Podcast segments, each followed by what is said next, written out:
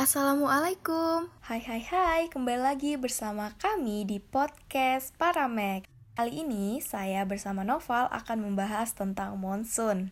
Ingat ya, monsun bukan muson ataupun moson. Apa sih sebenarnya monsun itu? Nah langsung aja nih kita bahas. Check it out.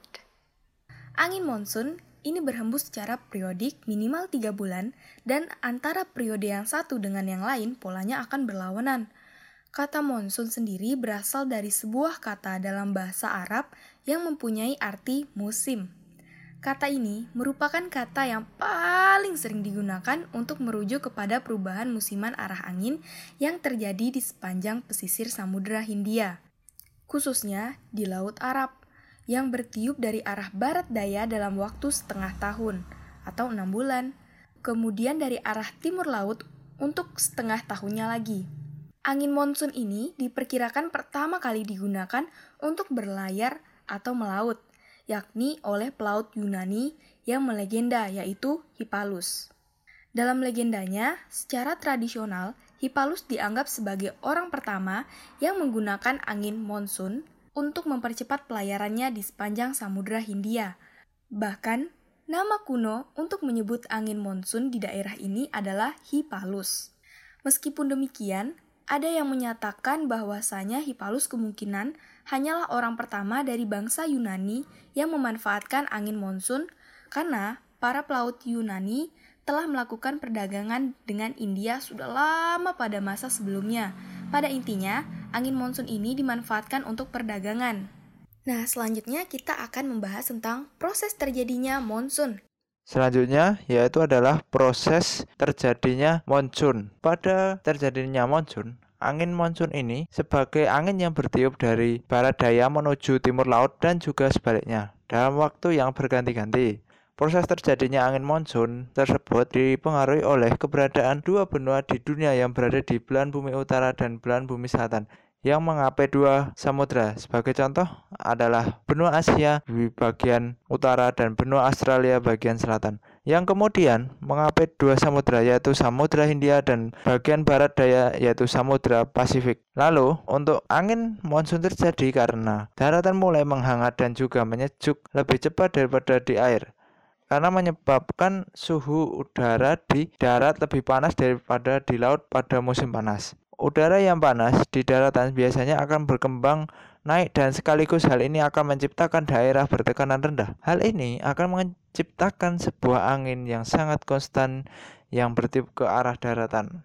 Pada masa-masa ini, curah hujan yang terkait disebabkan udara laut yang terasa lembab yang kemudian dialihkan ke arah pegunungan yang kemudian akan menyebabkan suatu pendinginan dan kemudian menyebabkan suatu pengembunan.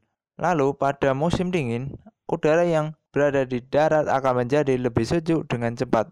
Namun, udara panas di laut akan bertahan lama. Udara panas yang berada di atas laut akan berkembang naik, kemudian menciptakan daerah yang bertekanan rendah dan angin yang sepoi-sepoi dari arah daratan ke arah lautan. Karena adanya perbedaan suhu antara lautan dan juga daratan, lebih kecil dibandingkan saat musim panas maka angin monsun yang bertiup ketika musim dingin tidak begitu konstan. Angin monsun ini mirip dengan angin laut, namun memiliki ukurannya lebih besar, lebih kuat, dan juga lebih konstan. Di wilayah atau daerah tropis, terjadinya angin monsun dipengaruhi oleh adanya perbedaan sinar matahari. Pada bulan Juli, matahari sedang berada di sekitar garis lintang balik utara atau 23,5 derajat lintang utara dan pada saat itu benua Asia mendapatkan penyinaran yang maksimal. Oleh karena hal itu, suhu udara di benua Asia sangatlah dingin melebihi suhu udara yang ada di samudra. Akibat dari hal tersebut, daratan Asia menjadi pusat tekanan rendah, sedangkan tekanan udara yang berada di kedua samudra relatif tinggi, dan juga sebaliknya. Pada benua Australia, saat tersebut sedang mengalami musim dingin, sehingga menjadi daerah pusat tekanan tinggi yang melebihi tekanan udara yang ada di samudra Hindia. Akibatnya dari adanya tekanan tersebut, terjadinya pergerakan angin monsun dari benua benua Australia yang melalui Samudra Hindia dan juga Samudra Pasifik dari bagian barat daya ke arah benua Asia. Selanjutnya yaitu tentang jenis-jenis monsun di Indonesia. Jelaskan oleh teman saya Ranti.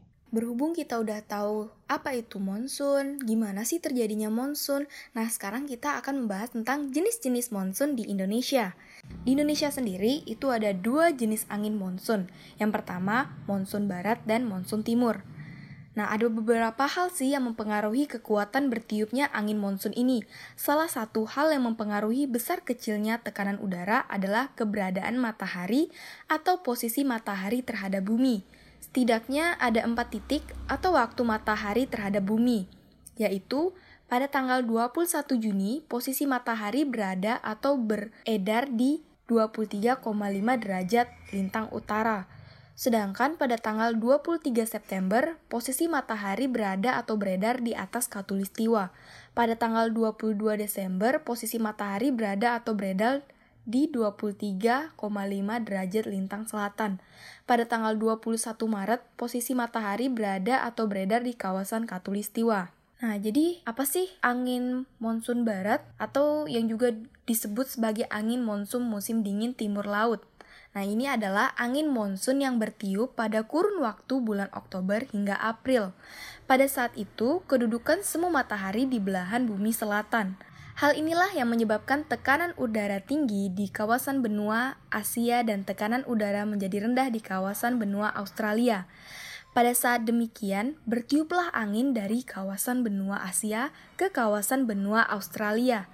Karena angin yang bertiup tersebut melalui Samudra Hindia, maka angin tersebut mengandung uap air yang banyak sekali, sehingga pada bulan Oktober hingga Maret di Indonesia mengalami musim penghujan. Terjadilah angin monsun barat ini akan membawa dampak bagi Indonesia mengalami musim penghujan. Hal ini karena pergerakannya, angin ini melalui wilayah samudra sehingga menyebabkan angin tersebut membawa uap air.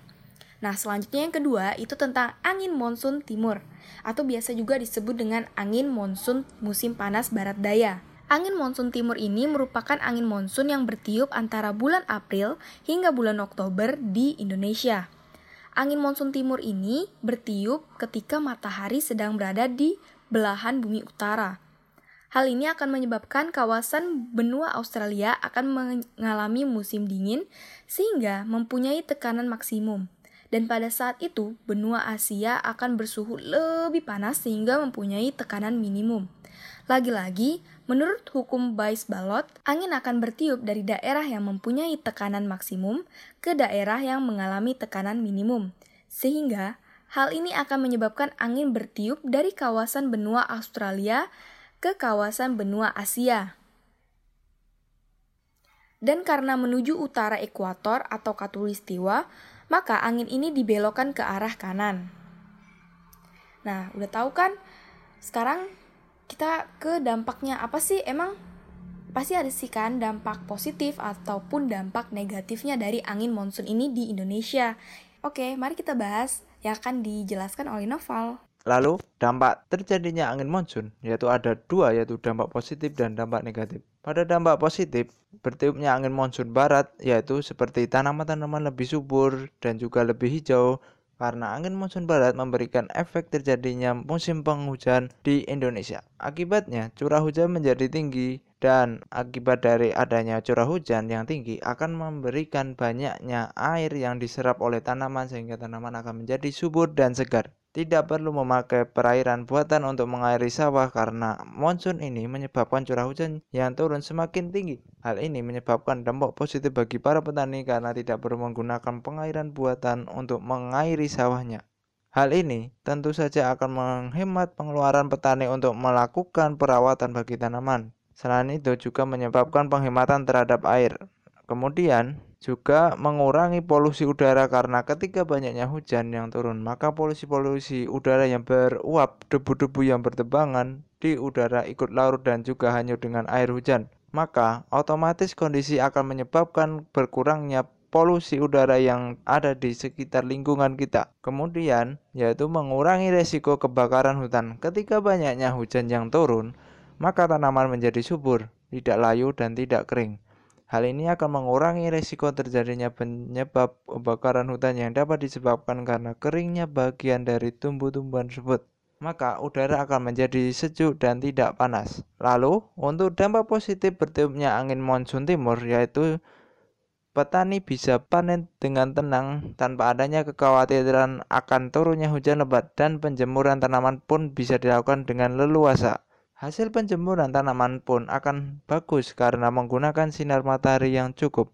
Lalu pakaian menjadi cepat kering. Kemudian, nelayan yang bisa melaut dengan tenang karena cuaca cerah yang hangat akan dapat menyebabkan nelayan bisa melaut dengan tenang tanpa adanya kekhawatiran akan datangnya langit yang gelap dan hujan yang lebat. Hal ini berpengaruh ber terhadap produktivitas nelayan sehingga nelayan akan dapat melakukan pekerjaan secara maksimal dengan aman. Lalu, untuk dampak negatif sendiri, untuk angin monsun barat yaitu meningkatnya penyakit demam berdarah seperti demam berdarah. Karena ketika musim penghujan datang, maka akan banyaknya genangan-genangan air, yang di, ditemukan di lingkungan sekitar kita. Ketika ada banyaknya genangan air, maka akan memicu banyaknya nyamuk yang keluar dari sarangnya dan mencari tempat untuk meninggalkan telurnya di sarang genangan-genangan air tersebut. Hal ini akan berakibat lahirnya jentik-jentik nyamuk dan akan menyebarkan penyakit-penyakit seperti DBD atau demam berdarah. Lalu, menyebabkan tingginya resiko tanah longsor yang disebabkan oleh hujan lebat yang akan mudah memicu terjadinya penyebab tanah longsor di daerah-daerah perbukitan. Hal ini akan membahayakan bagi warga yang mempunyai rumah di daerah-daerah perbukitan. Hal ini akan didukung ketika pepohonan yang ada di daerah tersebut sangat sedikit, maka resiko tanah longsor yang ada di lingkungan tersebut akan menjadi lebih besar.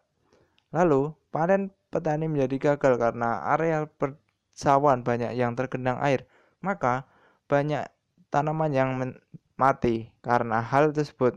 Selain itu, penjemuran padi juga akan sulit dilakukan karena minimnya cahaya matahari dan juga sulitnya untuk mengangin-anginkan padi di tempat terbuka karena hujan yang datang terus-menerus. Lalu, nelayan menjadi terganggu karena hujan yang datang terus-menerus akan menyebabkan nelayan menjadi terganggu dan akibatnya nelayan menjadi susah melaut. Hal ini karena langit ketika hujan akan terlihat gelap dan hujan deras yang akan menyebabkan resiko apabila nelayan pergi melaut. Lalu, untuk dampak negatif untuk angin monsun timur, yaitu banyak orang kesulitan dalam memperoleh air bersih karena ketika musim kemarau datang, maka beberapa akan mengalami kehabisan stok air bersih. Hal ini akan berdampak buruk terhadap warga yang tinggal di daerah terpencil yang membutuhkan sumber air bersih yang sangat banyak Hal ini otomatis akan menyebabkan warga kesulitan mendapatkan air bersih untuk memenuhi kebutuhan sehari-hari. Banyaknya tanaman yang kering atau mati karena kekurangan air dan meningkatkan risiko kebakaran hutan karena cuaca yang panas dan kondisi tanaman yang kering. Jadi teman-teman semua udah tahu kan apa sih angin monsun itu dan cara penyebutannya loh. Jangan sampai salah, ingat, monsun. Apa angin monsun? Gimana sih terjadinya, apa sih penyebab terjadinya, dan apa aja sih jenis monsun di Indonesia, apa sih dampaknya bagi Indonesia. Nah, mungkin sekian dulu ya pembahasan kita tentang monsun pada kali ini. Untuk teman-teman semua, semoga kalian dapat memahami yang telah dijelaskan tadi. Dan kami mohon maaf jika ada kesalahan ataupun kekurangan. Terima kasih teman-teman yang sudah mendengarkan. Sampai jumpa di lain waktu. Bye bye. Assalamualaikum.